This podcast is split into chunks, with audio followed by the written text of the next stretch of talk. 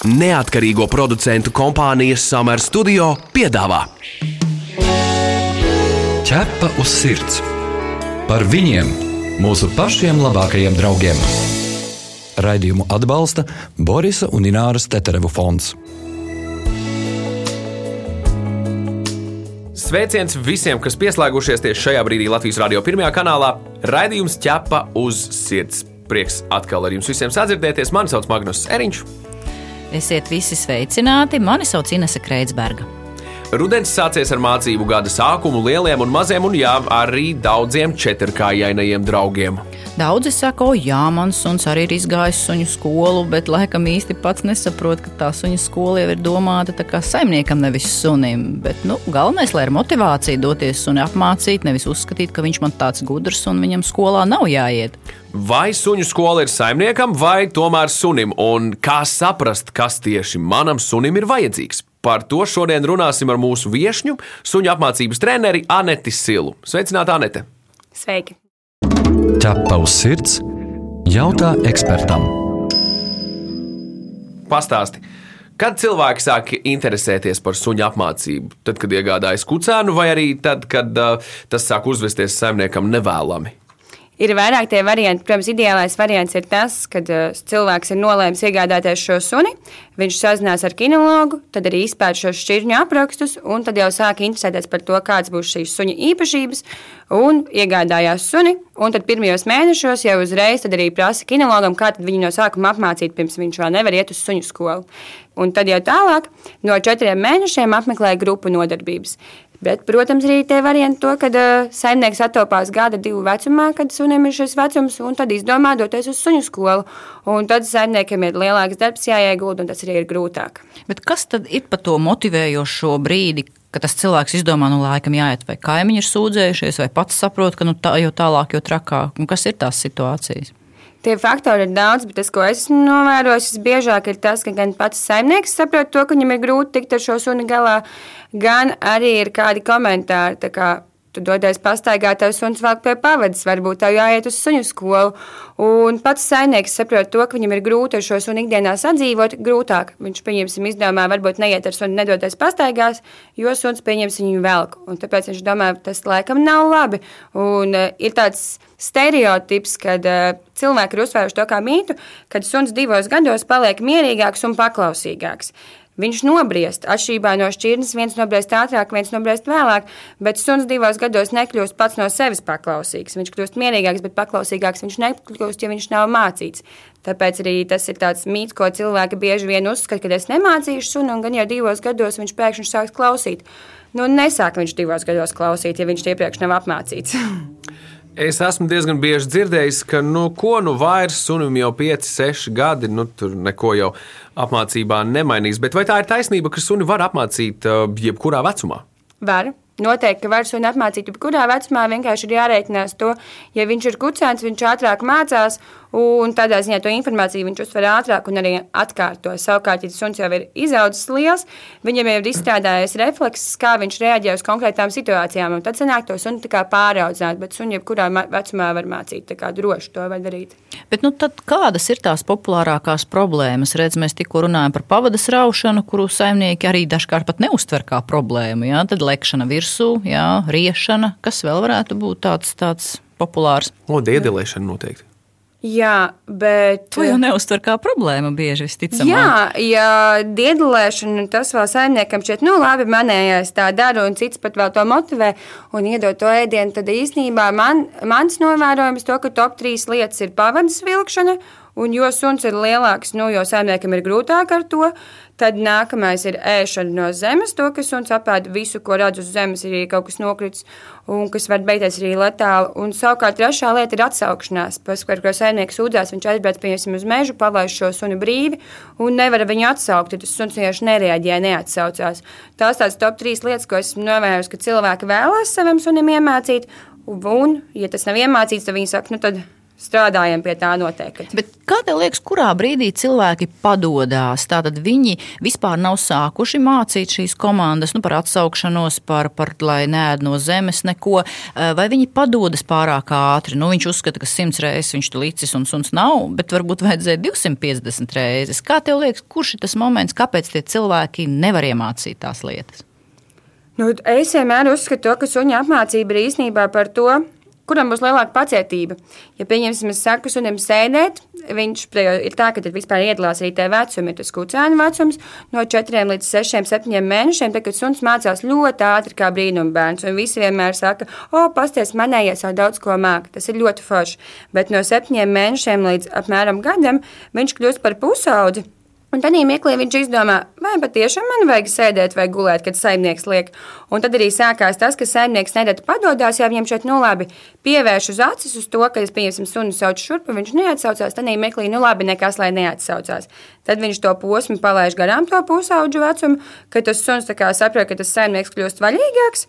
Un tad tam sunim ir tāda zaļa pļāva, ka viņš saprot, nu labi, līdz mūža beigām arī neklausīšu to saimnieku. Pagaid, pagaid, bet vai te ir runa par pacietību drīzāk, kurš būs līderis tajās attiecībās? Tas ir saimnieks, par... ne? Jā, tur abi divi, gan tas līderis, gan pacietība, jo saimnieks bieži vien ir Atnāk mājās, izdomā, viņš ir pieņemsim saguris, viņš izdomā, nu iziešu ar savu sunu pastaigā.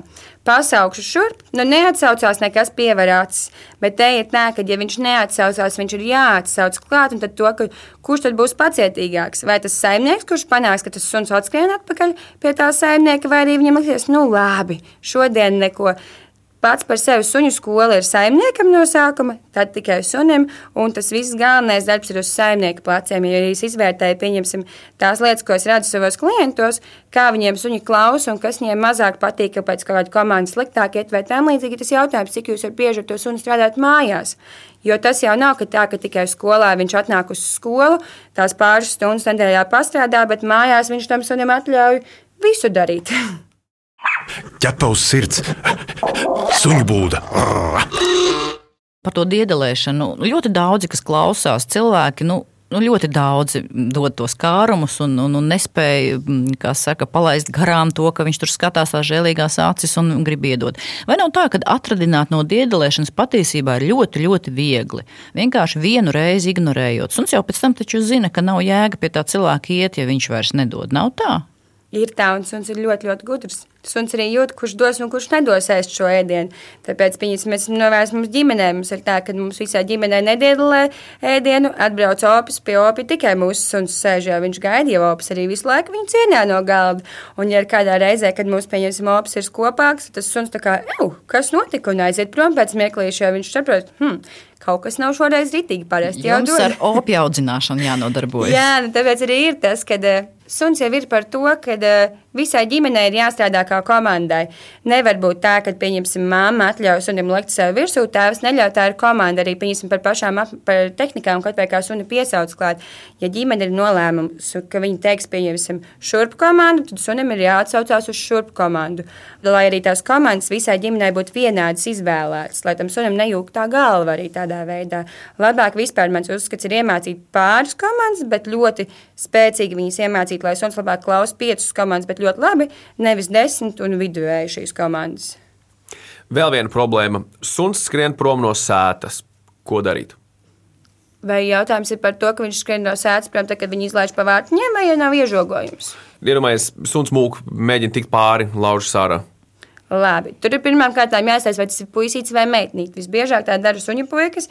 Ja viņi tā ir to periodu, tad ir jāstāsta, vai to vai rajonā kāda no suņu dāmām nemeklējās. Jo suns var ļoti tālu sajust šo aromātu suņu dāmas un tad skriet pie šīs suņu dāmas. Bet nu, ir jāstāsta tas risinājums.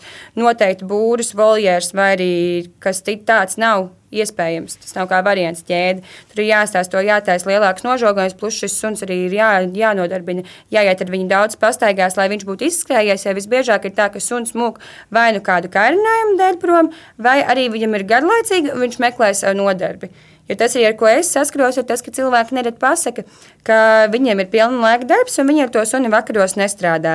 Bet tas ir līdzīgi kā ar bērnu. Viņš atnāk mājās no bērna dārza, viņam vēl ir jāspēlējas ar sunu tas pats, jādodas pastaigās, jāvēl viņam laiks. Tāpēc suns ir ģimenes lieta, un iegādājoties sunu noteikti jāapzinās to, ka tas uh, Viņš prasīs laiku, bet tā mīlestība, ko viņš dos pretī, būs fantastiska. Nu, bet, ja cilvēks vēl nāk mājās, viņam nav laika sunim, viņam nevajag to suni. Nu, mums nevienam nav obligāti jāņem dzīvnieks vai jādzemdē bērni. Tas tiešām nav. Var arī dzīvi tā, dzīvot savādāk. Gluži manas domas. Jo tas, ko es novēroju, ka daudziem ir tas. Uh, Ir ģimene, ir bērni, un ir sajūta, ka jāpaņem kucēns. Ir nu, sevišķi, ja vēl ir māja, tad kaut kādīgi tas tiek sasaistīts. Kad jā. ir māja, tad ir jābūt sunim. Arī tas, mīļie cilvēki, nav obligāti, galīgi nē. Jā, un ja vēl ir mazi bērni, tad noteikti jāizsver laiks, vai būs laiks šim dzīvniekam. Tas, ko es novēroju, kad ļoti forši saimnieki ir tie cilvēki, kas ir pirmām kārtām ilgstoši domājuši par šo suni, un vēl tie, kas ir kategorijā 50 gadi aptuveni tā, jo viņam ir savs brīvais laiks, viņš pēc darbiņa atnāk mājās un ir gatavs doties uz suņu skolu, pastaigās, viņš bērnus ir izaudzinājis, un tad viņam ir nākamais bērns, kas ir suns, kas ir superīgi šajā gadījumā. Labi, vēl viena mega problēma, pamatīga problēma šobrīd ir, piemēram, suņu faktiski nespēja palikt vienam pat mājās uz stundu bez saimnieka klātbūtnes. Nu, tur saimnieks pats un tikai vienīgi pats ir vainīgs un atbildīgs par šo. Kāpēc saimniekam tomēr būtu izdevīgi iemācīt sunim labi justies arī pašam savā kompānijā? Tādēļ, lai sunim nebūtu stress, jo tas arī, ko saskaramies to, kad suni atstājot mājās, viņam ir stress, un tad viņš sāk graust. Nu, katra saimnieka lielākā vēlme to, lai suns negrauž. Nu, tādā ziņā atstājot mājās, graust, riet, bet Šajā gadījumā var palīdzēt tas, ka viņi pamazām pieradina pie šīs palikšanas mājās. Pieņemsim, jau kopš kucēna vecuma aizdodoties, jūs braucat uz veikalu, bet suns paliek mājās. Tādā vietā, kur viņš neko nevar sagrauzt, bet pirms, svarīgākais ir tas, pirms viņa atstāja mājās, kārtīgi viņu nodarbināt, izvest pastaigā, izskaidīties ar viņu un atstāt arī kādu no graužamajām mantām vai kādu kārumu, ko viņš var graust, kamēr jūs nesat mājās. Tas ir tas, jā. Solis pretī apmācībai ir labi. Tātad cilvēki jau ir nobrieduši tam, bet uh, ar ko tad īsti sākt un kā saprast? Nu, piemēram, vai manam sunim tieši ir vispiemērotākās grupas nodarbības, jeb tomēr labāka individuāla pieeja. Te ir noteikti jāizvēlās ir tās divas kategorijas, vai tas ir kucēns, vai tas ir pieaugušs suns, un vai tas ir suns, kuram ir kaut kādas socializācijas problēmas, un kā viņš spēr sadzīvot ar citiem suņiem. Tas mans ieteikums ir to, ja jūs paņemat kucēnu, Jūs, es vienmēr iesaku, pirms tam ir tā, ka kucēns ierodās mājās, jūs paņemat, pieņemsim, individuālo konsultāciju ar suņu apmācību treneru, kurš atbrauc pie jums uz mājām, pastāstāt, ko jau pamazām mācīt šim sunim līdz četriem mēnešiem, kad jūs jau esat uzsākt skolas gaitas. Un tad no četriem mēnešiem doties uz grupu nodarbībām. Kāpēc uz grupu nodarbībām? Jo tur viņš pirmām kārtām viņš satiks citus suņus, viņš mācās, sāks mācīties, klausīt saimnieku citu suņu klātbūtnē, kā arī viņam būs iespēja ar citiem paspēlēties un komunicēt. Savukārt, paralēli noteikti ar treneri var runāt to, ka jūs ejat uz grupu nodarbībām un ik pa mirklim paņemat individuālās nodarbības, lai noslīpētu kādus jautājumus. Savukārt, ja suns ir agresīvs vai ar kādām uzvedības problēmām, es noteikti iesaku no sākuma strādāt individuāli, noslīpēt to un tad doties uz grupu nodarbībām. Atgādinām, ka pie mums šodien studijā ir suņu apmācības trenere Anete Sila, un mēs diskutējam par to, kā pareizi apmācīt suņu skolā savu suni, vai individuāli, vai grupas nodarbībās. Šo radio pārraidi, protams, varēsiet dzirdēt arī podkāstu formā, populārākajos straumēšanas servisos, kā arī Latvijas radio mājaslapā, arhīvas sadaļā un mobilajā lietotnē. Visur kopā - ķepus sirds! Bet kā tieši saimnieks var ietekmēt pozitīvi to suņu apmācības procesu? Jo, piemēram, mēs zinām, ja nu, ir bērni, kas iet skolā, klasē, taču ir hiperaktīvie un mierīgie. Nu, mēs zinām, ka ar tiem pirmajiem ir grūtāk tikt galā, jo viņiem ir grūti noturēt uzmanību. Ar otrajiem būs vieglāk, viņi tādi centīgāki ir. Kā veidojas tā pasaules suņu, suņu vidū? Arī tādi centīgāki, mierīgāki un hiperaktīvi. Un kā tikt galā? Jo tu jau nezini, kāds tev būs suns tam saimniekam. Jā, nu noteikti iegādājoties suni, ir jāstāsta, kādu kucēnu jūs izvēlaties. Jo labs audzētājs vienmēr var pateikt metienā, kurš būs tas šis izstāstās drusku aktīvāks, šis izstāstās mierīgāks, un jums ir jāsaprot, kādu jūs paši vēlaties. Protams, tas suns var mainīties augot, bet tās raksturu iezīmes pamati jau ir redzams, kad kucēns piedzimst. Tajās pirmajās nedēļās jau jāaudzētājiem. Bet suņu skolā ir tā, tas, kas ir, ir pozitīvā uzslava. Viens ir kārums, ko saimnieki bieži vien izvēlās kā šo uzslavas veidu, kas ir labs variants, bet paralēli vēl noteikti suns ir balsi jāuzslavē pieņemsim, mālacītu, super, ejam tā, tālāk. Un to arī ko var just, ka suns klausa labāk tiem saimniekiem, kuri viņus uh, slavē ar balsi. Un tad sunim ir liels prieks, viņam šeit, oh, forši, mēs esam komanda, es tev gribu turpināt klausīt, un tu ejam te strādāt. Jo arī suņu skolā ir tā, ka suns un saimnieks ir viena komanda, kas kopā strādā. Un tad šim sunim ļoti labi palīdz šīs uzslavas, kas ir pozitīvās, un arī samīļošana, un ik pa mirklim arī palaišana brīvi, lai viņš paspēlējās ar draugiem, tādā veidā arī atpūšās. Nu, redz, ja jau par apmācību sākām runāt šādā veidā, vai vari pastāstīt, Anete, par uh, vienu nodarbību vidē? Kas tur notiek? Nodarbība ilgst stundu. Aptuveni mums tas ir. Un suņu skolas savukārt tas, kas sākumā suņi ienāk iekšā laukumā, viņus visus mēs apsēdinām aplī, un viņiem ir jāprāda, saimnieks parāda šos suņu zobiņus. Viens, lai mēs apstītos, ja tas ir kucēns, kā tie zobi aug, un vai viņi pareizi aug, vai kāds tur zobs nav aizsēdies par ilgu kuram ir jānomainās. Otrs, lai tas saimnieks spēj sunim pieskarties jebkurai vietai, un šis suns arī atļauj to. À, tad arī īstenībā tas treneris redz, kādu uzreiz ir tā Sadarbība. komunikācija. Jā. Tad, ja suns neļauj to darīt, aha, tur jau ir bišķiņa ielaista situācija. Ja? Jā, jā, un tas ir, ka no sākuma ir tā, ka tas suns no sākuma nesaprot, kāpēc viņam kāds tur ņem un skatās tos zobus, bet ar laiku viņi ļoti labi iepraktizējās. Un tas ir līdzīgi, kā tu minēji tikko. Tiem suņiem, kam ir kādas uzvedības problēmas, viņi arī parasti tam saimniekam īsti neļauj tajā mutē līst un skatīties tos zobus. Nu, mums ir tā, ka mēs redzam to, ka viņi to ļauj, ātri vien tajā arī to iemācās, kad saimnieks sunim var pieskārties jebkurās vietās, un, un sunim tas ir jāļauj. Tad vēlāk ir tā, ka tas, ko mēs mācām, ir, ja tas ir kucēns, tās ir pamata komandas, iet blakus, atsaukties, sēdēt, gulēt. Tas, kas vēl ko mēs mācām, ir vietā komanda, kas ir ļoti noderīga. Pieņemsim, saimniekam, arī tagad, nākot mājās, kaut vai Covid laikā, man likās ļoti forši savam sunim iemācīt, ejot mājās.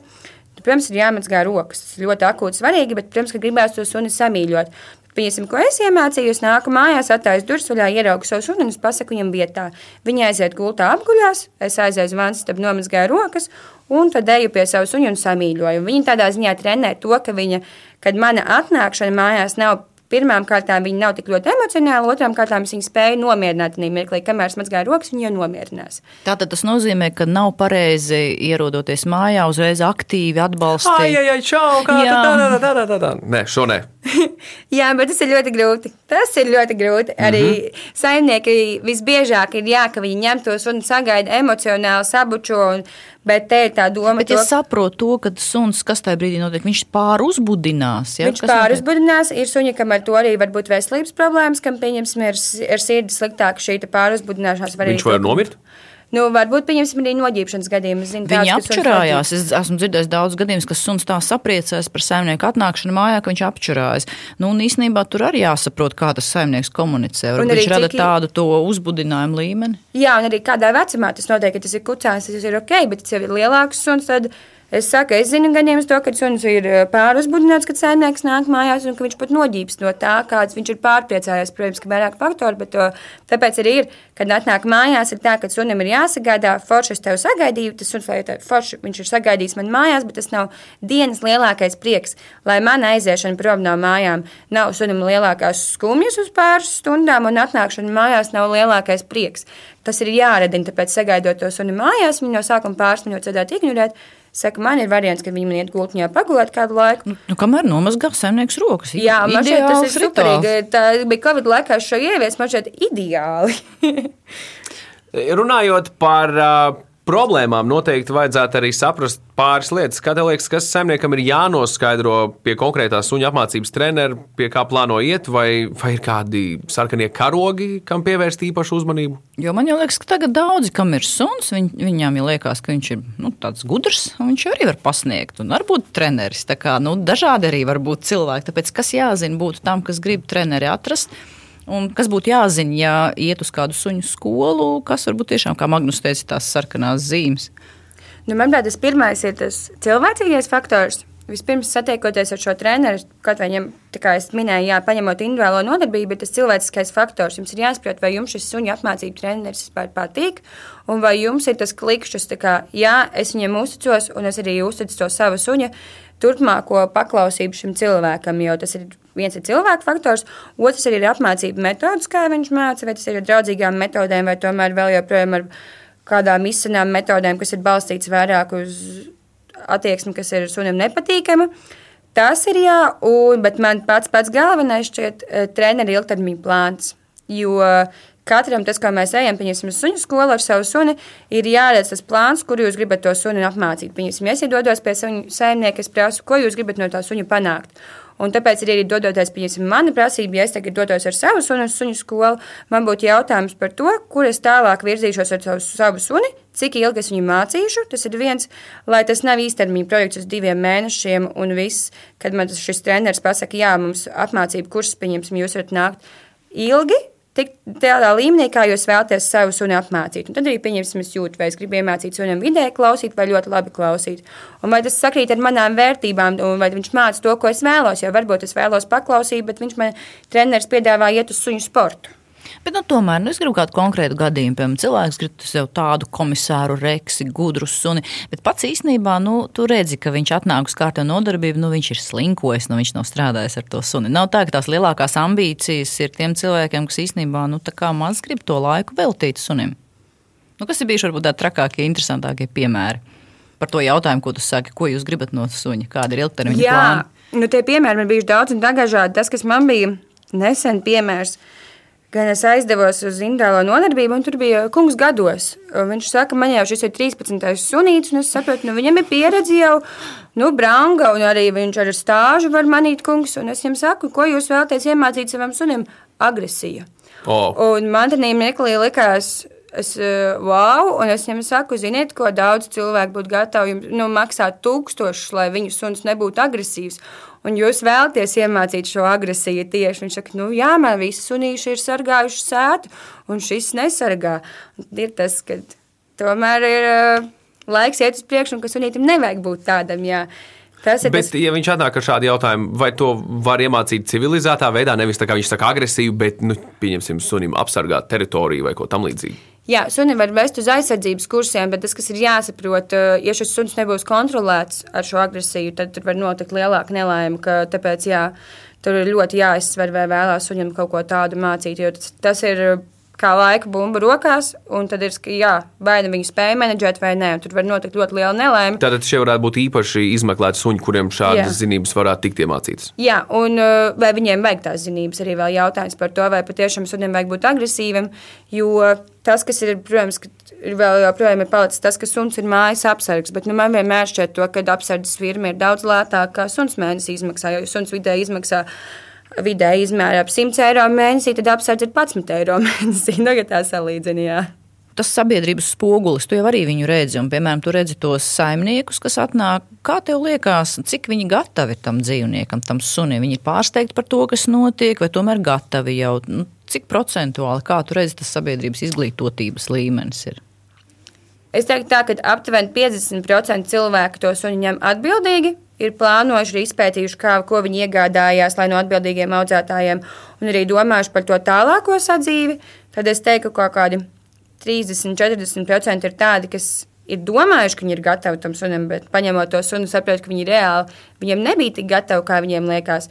Bet viņi spēja tam uh, sabalansēt šo, šo savu dzīvi un pielāgoties dzīvē kopā ar suni. Bet es teiktu, arī ir kaut kādi 10%, kuri neapzinās, ko viņi ir paņēmuši. Ir, Var teikt, tā, ka viņiem šķiet, kāpēc es paņēmu šo suni, vai arī viņi netiek galā. Bet visbiežāk ir tas, ka cilvēks neapzinās to, ka viņš netiek galā. Viņam šķiet, ok, ja tas suns nav pietiekami daudz izvests ārā, vai viņš cenšas cīnīties ar sekām, kaut vai ar graušanu, vai ar kaut ko tādu, bet saimnieks jau ir vainīgs, viņš jau nav nodrošinājis šīs aktivitātes. Anita, vai tu vari padalīties ar kādu piemēru, kurā tev salīdzinoši lielā ātrumā, labā tempā ir izdevies korģēt kādu suņu uzvedību? Jā, tas, ar ko man šķiet, tas bija.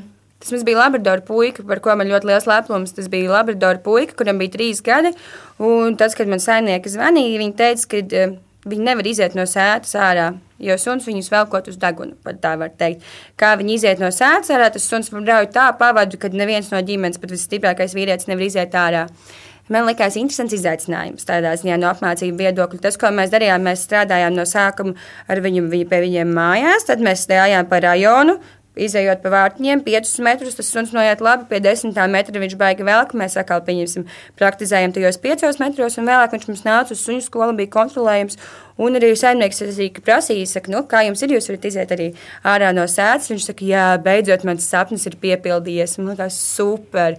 Suns, kurš ir trijos gados sākts mācīt, un jā, ka viņi sasniedz to savu sapni, ko vēlējās. Bet kas tur tieši nostrādāja? Kāds knifs? Tur nostrādāja tas, ka uh, saimnieki iepriekš bija pārcēlušies, un viņi īstenībā sunim ne, nebija atraduši laiku, kad viņi apmācītu. Un tur nostrādāja tas, ka tajos trijos gados viņi saprata, ka tā ir ļoti akūta problēma viņa ģimene bērniem, un viņi saprata to, ka viņi grib braukāt to sunu apkārt, visur ņemt līdzi un arī iet tajās pastaigās. Nu, tā bija saimnieka neatlaidība, jo tas uh, suņu skola, līdzīgi kā sporta zāle, ir uh, vienkārši jāiet, ja arī dienās, kad gribēs vai negribēs ar to sunu, ir jāiet. Un tās uh, Suņu skola man vispār šķiet kā patīkams veids, kā pavadīt laiku, jo tā ir vieta, kur tu pavadi laiku ar savu suni, plus vēl satiec līdzīgi domājošos. Nu, tā arī nostrādāja neatlaidība un mērķis. Tāpēc ir apmācot, un ir jābūt mērķim. Un tas saimniekiem bija skaidrs mērķis, un viņi bija gatavi vienalga, kā panākt, bet to mērķi mēs arī tikām pie tā rezultāta.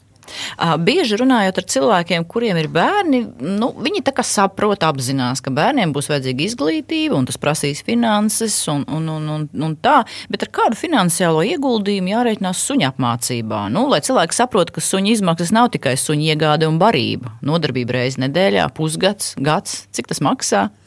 Tas, ko es vienmēr iesaku, es iesaku suņu skolu apmeklēt pēc iespējas biežāk, ja vien tas ir iespējams.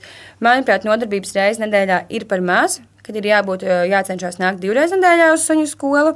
Un, ja uzsāk apmācību šajos četros mēnešos, tad tas ir apmēram līdz gadam, pusotram, kad tas suns tā kārtīgi, kārtīgi izmācīts. Un arī, kad saimnieks jūt, forši, es uz savu suni varu paļauties.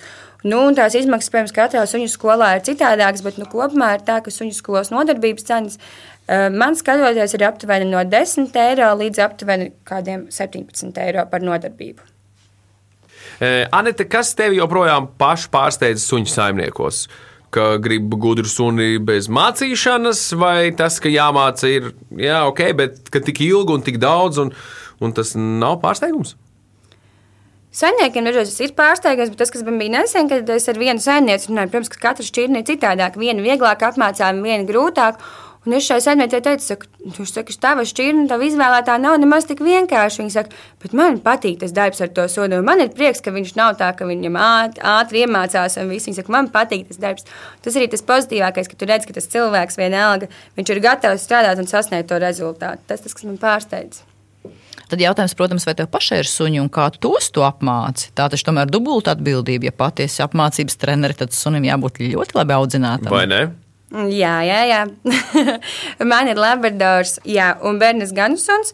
Ar labradoru vispār sākās mans apmācību ceļš, jo vecāki nolēma to, ka viņi gribēs suni un kādam būs jāved uz suņu skolu. Un tad arī es sapratu to, ka tas ir mans aicinājums vedot mūsu labradoru meiteni uz suņu skolu. Un, jā, ar labradoru meiteni mēs esam nokārtojuši paklausības eksāmenus, un bērnus gan sunu, gan mēs paņēmām nesenāk, arī viņus ved uz suņu skolu, un arī viņi nokārtoja paklausības eksāmenus. Bet es jūtu arī šķirnēs atšķirību, jo Labradora dāma mums ir mierīga un apmācība bija daudz vieglāka, tad bērnietis mums ir tāds kārtīgs ar raksturu aktīvists. Anete, vai tev ir kas tāds, ko tu gribētu pateikt cilvēkiem, izmantojot šo iespēju? Nu, ko tu bieži gribētu pateikt, bet nepasaki, nu, tagad tu to vari? Tas galvenais būtu sāciet apmācīt suni laicīgi. No četriem mēnešiem uz suņu skolu, un pirms tam jau droši pamatkomandas māciet ātrāk sāksiet, būs labāk. Ja? Jā. Nu, ko, paldies mūsu viesņai Anitei Silai. Pie mums šodien bija studijā suņu apmācības treneri un runājām par suņu apmācību skolās un individuāli. Tu esi mans draugs, ķepus sirds. Atgādinām, ka ķepa uz sirds TV raidījumam varat sekot līdzi katru sestdienu, pulksten 11.15 un atkārtojumā svētdienā LTV1. Mēs arī gaidām jūsu jautājumus, ierosinājumus, idejas sižetiem. Rakstiet mums info atķepa uz sirds.lv. Tas arī šajā raidījumā ir viss. Mani sauc Inese Kreitsberga. Mani sauc Magnus Eriņš. Raidījumu veido neatkarīgo producentu kompānija Summer Studio. Visu labu! Atā! Ķepa uz sirds! Informatīvi izglītojoši raidījums par dzīvnieku pasauli un cilvēkiem tajā. Raidījumu atbalsta Borisa un Ināras Teterevu fonds.